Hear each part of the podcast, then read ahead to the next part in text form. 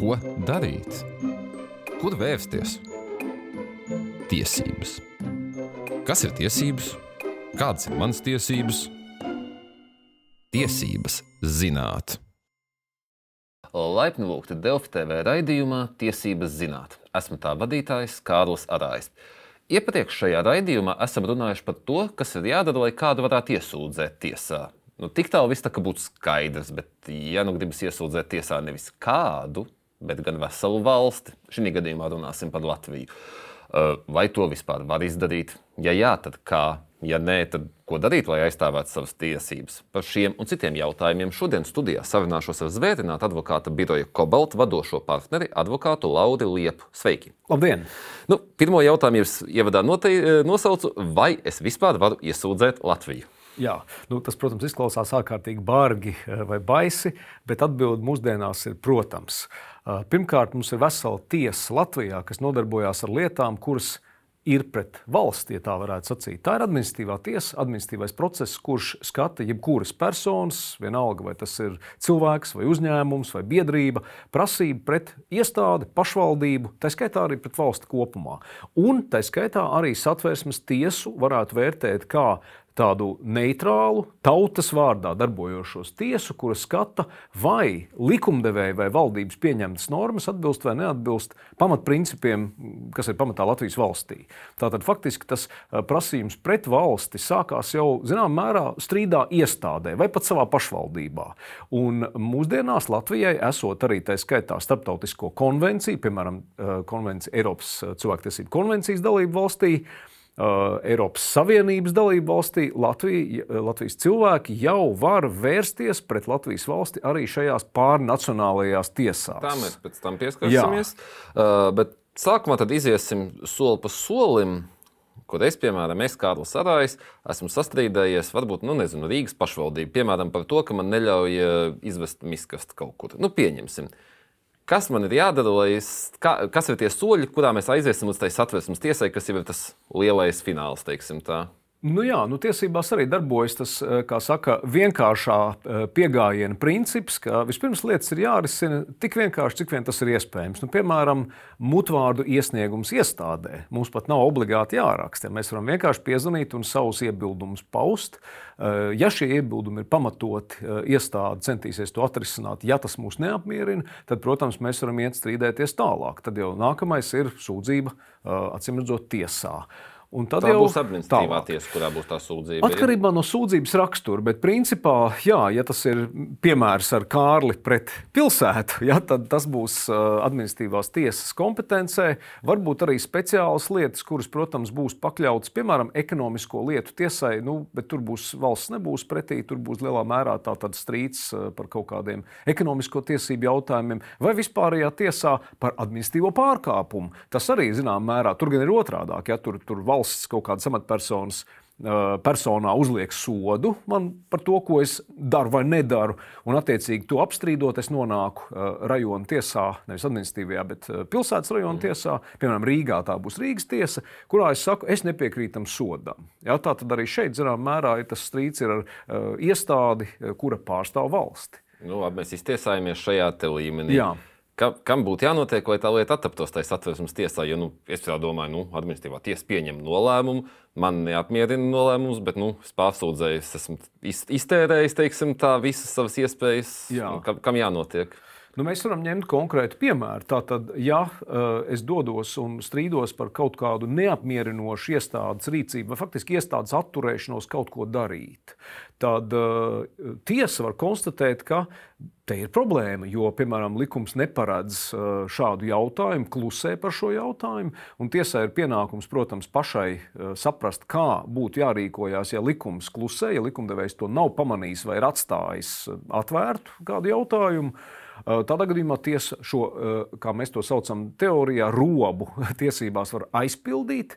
Bet tiesa uh, bieži vien uh, var nonākt tādas izvēles priekšā, ka tā neredz, ko īsti darīt situācijā, kurā norma ir pretrunā ar augstāku normu, tīpaši ar satversmes ranga normu. Tad uh, tiesa var vērsties satversmes tiesā un atkal jau tādā pieteicējam uh, cilvēkam nekas nav jādara, tiesa to izdarīs viņa vai viņas vietā. Uh, otrs variants, ja tiesa to nepamana un nepiekrīt, un es saņemu nelabvēlīgu nolēmumu, bet es pamanu, ka tiesa tomēr viņai vajadzēja strīdēties, vai viņai vajadzēja iet uz satversmes tiesu, nevis strīdēties, tiesa nestrīdās. Ja? Tā tiesai vajadzēja iet uz satversmes tiesu un teikt, mums šķiet, godātā tiesa, ka mēs redzam kopā ar tiem procesa dalībniekiem, ka te ir viena norma, kas ir pretrunā satversmē, piemēram, vai vispārējiem tiesību principiem, kam arī, protams, satversmē var būt vieta. Uh, Tādā gadījumā um, tātad, es varu arī neapmierināts ar šo uh, tiesas nepamanīto problēmu, pats vērsties satversmes tiesā. Individuāli, cilvēks. Jā, to var darīt katrs cilvēks ar tā saucamo konstitucionālo sūdzību individuāli. Vispār jau ir diezgan plašs lokus, un Latvija ir viena no tām valstīm, kura pirmkārt, kurā ir satversmes tiesa, es teiktu, tā ir liela privilēģija Arī, arī modernā pasaulē ne visās valstīs ir tiesas, kas specializēti izskata jautājumu atbilstību satversmei vai nu, konstitucionāliem principiem. Tātad tā ir liela uh, labvēlība. Uh, lielākā daļa uh, valstu, kurā šāda sistēma ir radīta, protams, to novērtē ļoti augsti. Uh, Tie arī ir īpaši kvalificēti tiesneši, kuri faktiski savā ikdienā nedarbojas ar citiem tiesību jautājumiem, bet primāri nu, būtībā testē likuma vai arī valdības izdot noteikumu normu atbilstību satversmei. Nākamais, kas arī ir ļoti svarīgs noteikums, ka ar šādu pieteikumu satversmes tiesā varētu vērsties ne tikai indivīds, bet to var darīt arī, piemēram, tiesības sargs. Un tiesības sargs diezgan bieži, pamanot kādu nepilnību, vēršās satversmes tiesā, un satversmes tiesa faktiski nu, tādā dialogā ar tiesību sargu skaidro, kur ir tā problēma bijusi. To pašu var darīt arī valsts prezidents, to var darīt arī deputāti. Mums ir diezgan bieži gadījumi, kuros opozīcijas deputāti neapmierināti ar kādu lēmumu pieņemšanu balsojumā, vēršās satversmes tiesā. Tātad faktiski tas tāds ļoti svarīgs instruments, ko Latvijā var diezgan plaši izmantot. Bet tagad skatīsimies no parastā cilvēka skatu punkta, vai obligāti ir jābūt individuālam tiesību aizskārumam, vai es varu redzēt sev nākotnē potenciālu tiesību aizskārumu, kurš vēl nav noticis, vai es varu vērsties satversmes tiesā par kaut ko, kas vēl nav bijis, bet es zinu, ka nākotnē man tas tiešām varētu sāpēt.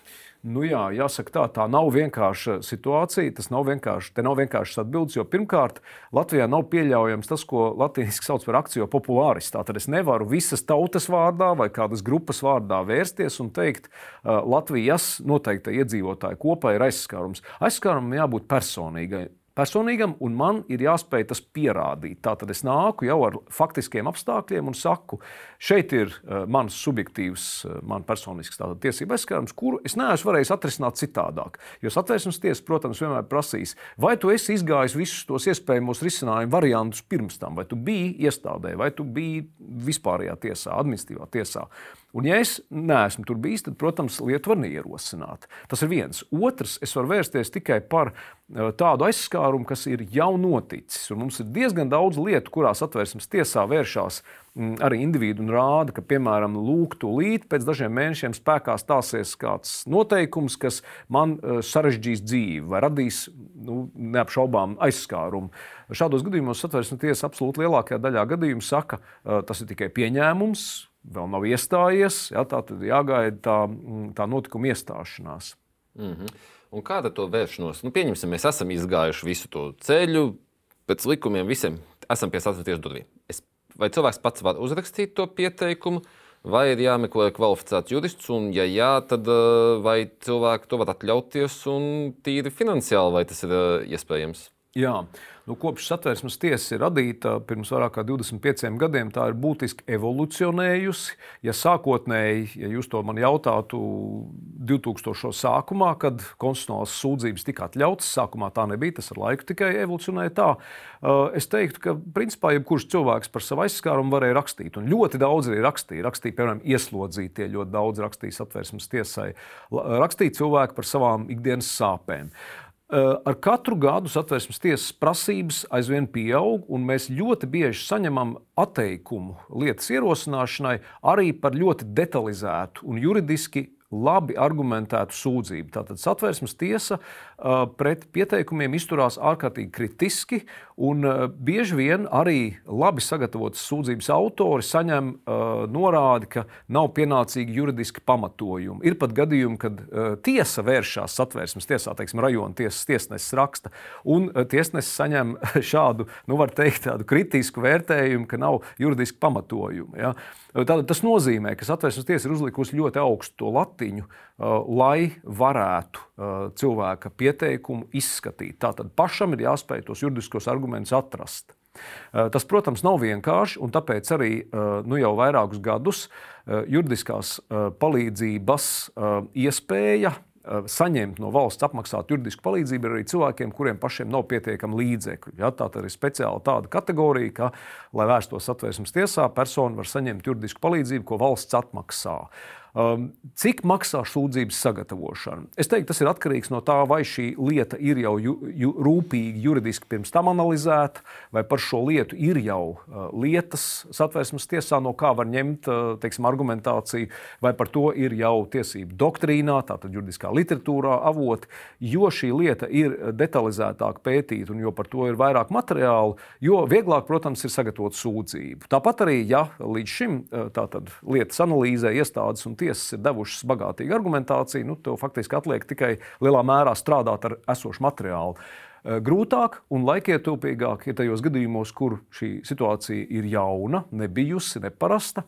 Tad, protams, tas darbs var būt ne tikai eh, dažas desmitus, bet arī dažas, nu, var teikt, simti stundu, lai sagatavotu kvalificētu šādu sūdzību. Un tas var arī būt vairākos tūkstošos šī sūdzības eh, sagatavošanas cena. Bet, ja cilvēks nevar atļauties, tad valsts palīdzēs arī šādā gadījumā. Eh, tieši tā. Bet es gribētu sacīt vēl vienu ļoti interesantu lietu, ko mēs vērojam Latvijā, it īpaši pēdējos gados.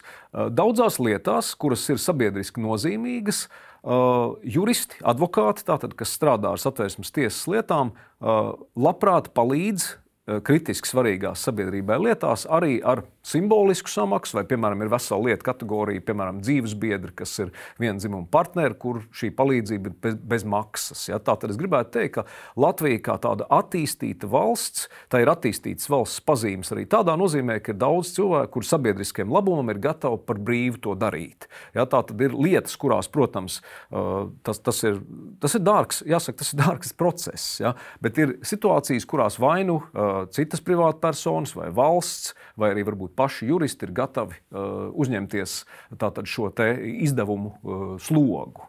Bet vai var apstrīdēt arī normas? Jo nu, mēs saprotam, ka satversmes tiesa apstrīdēt, var, piemēram, likuma normas atbilstības satversmē nu, saistībā ar to tiesību aizskārumu. Vai var apstrīdēt arī tādu, kam, piemēram, ir jau izgrozīts tas likums? Nu, piemēram, nu, ko visbiežāk mums groz, teiksim, krimināla likuma. Kaut kas ir izgrozīts, agrāk bija tā, šķita, ka nav, tagad ir savādāk. Vai es pat nezinu par to, ka pirms trīs gadiem bija tā sūdzēties, kad tas mani tieši skāra tajā brīdī, piemēram? Tas ir diezgan interesants jautājums, jo principā arī vienas personas sāpe, ja tā varētu sacīt, tomēr ir pietiekami nozīmīga. Un mums ir bijušas vairākas lietas, kurās persona vēršās arī par tādu problemātisku jautājumu satversmes tiesā, kura vairs uz citiem neatiecās. Ja, tā tad attiecās tikai uz kādu notikumu pagātnē kur nu jau attiecībā uz pārējiem tā norma ir grozīta, bet jāatzīst par vienu notikumu pagātnē, ka tā tajā brīdī tomēr nebija konstitucionāla.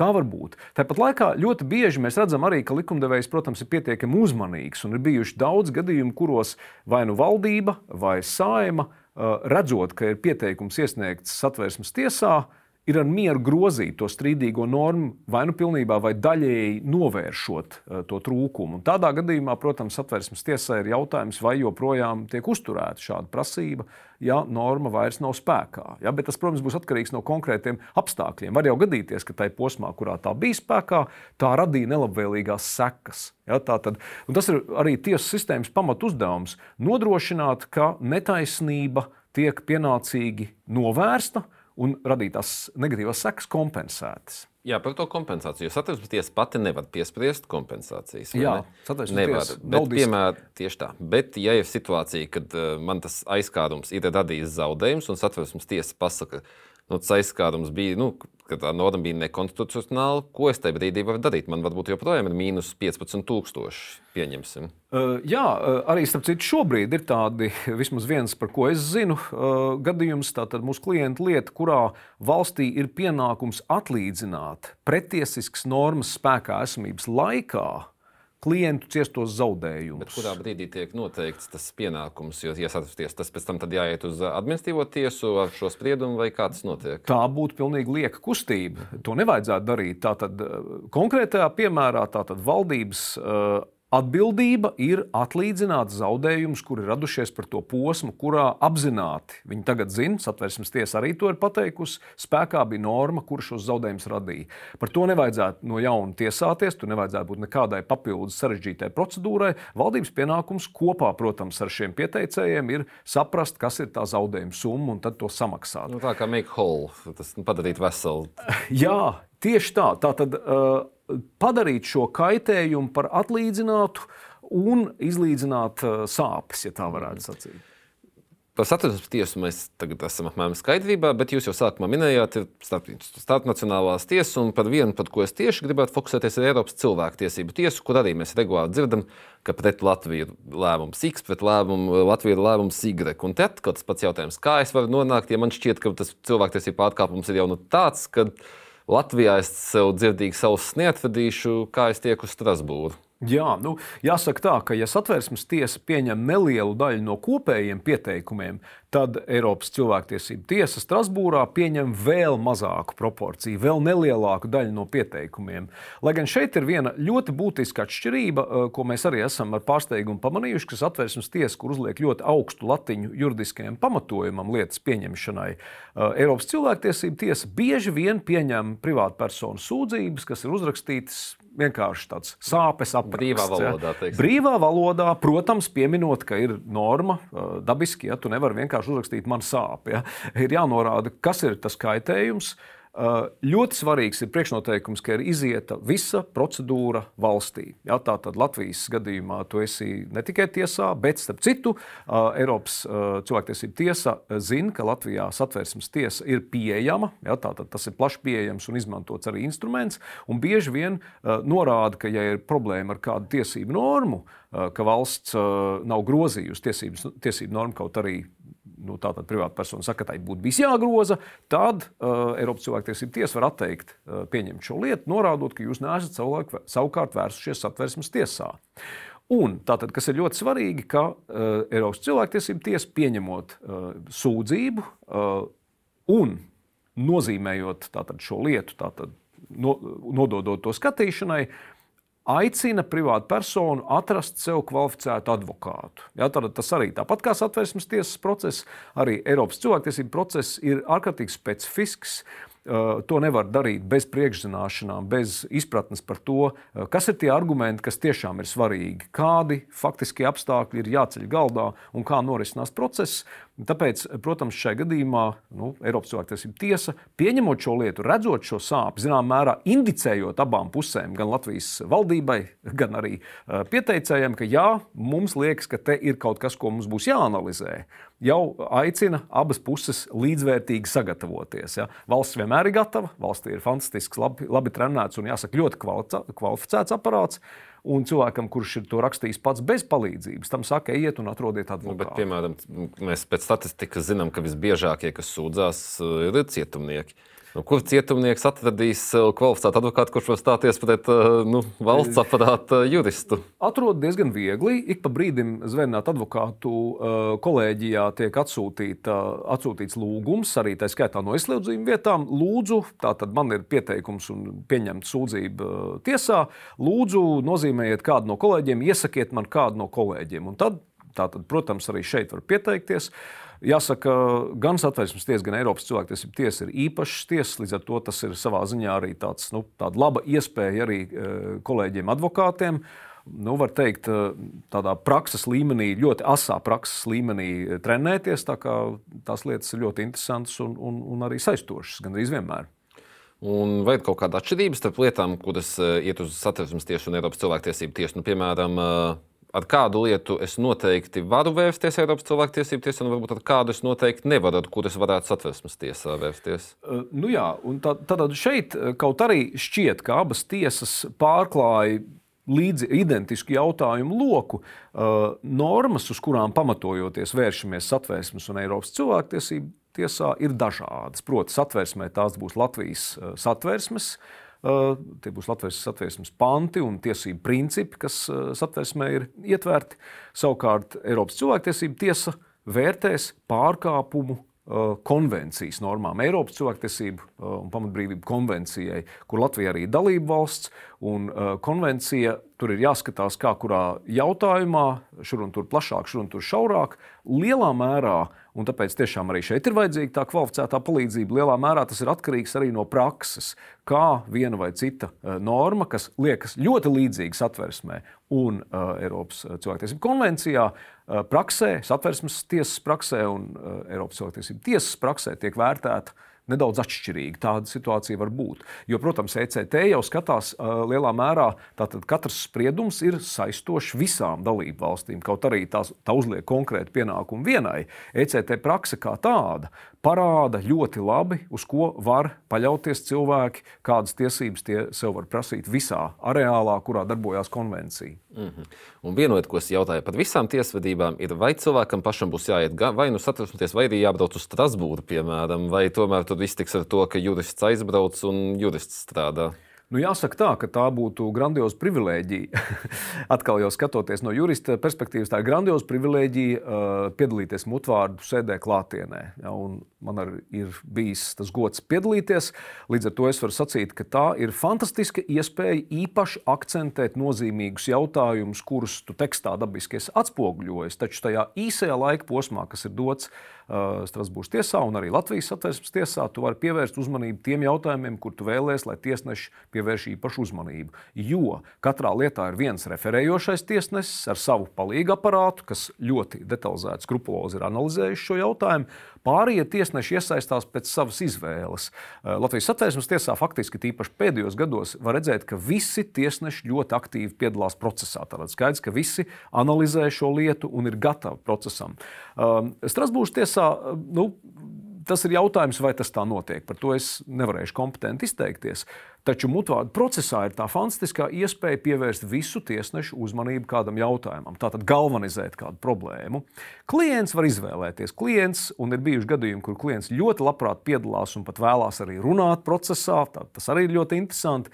Un ir gadījumi, kuros klients, protams, labprātāk ir vai nu skatītāji zālē, vai arī paliek mājās un gaida teikt, labo iznākumu. Nu, skaidrs, mēs tuvojamies jau beigām, un tad es vienmēr beigās jautāju divus jautājumus. Pirmais ir, vai ir kaut kas, kas nav pajautāts, kas obligāti ir jāuzsver, un uh, divi ir uh, zelta padoms. Tie ir kādi pāris teikumi mūsu skatītājiem, klausītājiem, kas varbūt būtu būt tās galvenie atslēgas punkti, kas jāpaņem mājās no šodienas sarunas? Jā, nu jāsaka tā, ka uh, tas uh, svarīgākais uh, punkts slēpjas vienā latīņu tēzē, kas, uh, ko Latvijas varētu formulēt kā tiesības ir rakstītas modrajiem. Uh, Tātad katram pašam ir jācīnās par savām tiesībām, un vēl jau vairāk, tīpaši pēdējo gadu laikā, mēs redzam, ka samazinās termiņi, kuros vispār var strīdēties. Tātad pirmkārt ir jāskatās, cik ilgā laikā var apstrīdēt noteiktu administratīvu aktu. Tātad pirmajā līmenī, cik ilgā laikā var vērsties tiesā un pēc tam satversmes tiesā. Uh, pēc aizskāruma rašanās brīža, un tāpat arī Eiropas cilvēktiesību tiesā. Tā kā tiklīdz kā kāds pamana, ka šeit ir problēma jautājums, gan konvencijas teksts, gan satvērsme ir publiski pieejama, tu vari iet cauri un paskatīties. Izskatās, ka te ir arī tāda augstāka līmeņa problēma, ne tikai konkrētajā manā ikdienas līmenī. Nekavējoties ir jāmeklē juridiska palīdzība vai jāmēģina tā problēma risināt. Skaidrs, un šīs nots teikšu jums paldies par sarunu, bet, dārgie skatītāji un klausītāji, ar jums mēs tiksimies jau pēc divām nedēļām. Un atcerieties, mums visiem ir tiesības zināt savas tiesības. Atā! thank you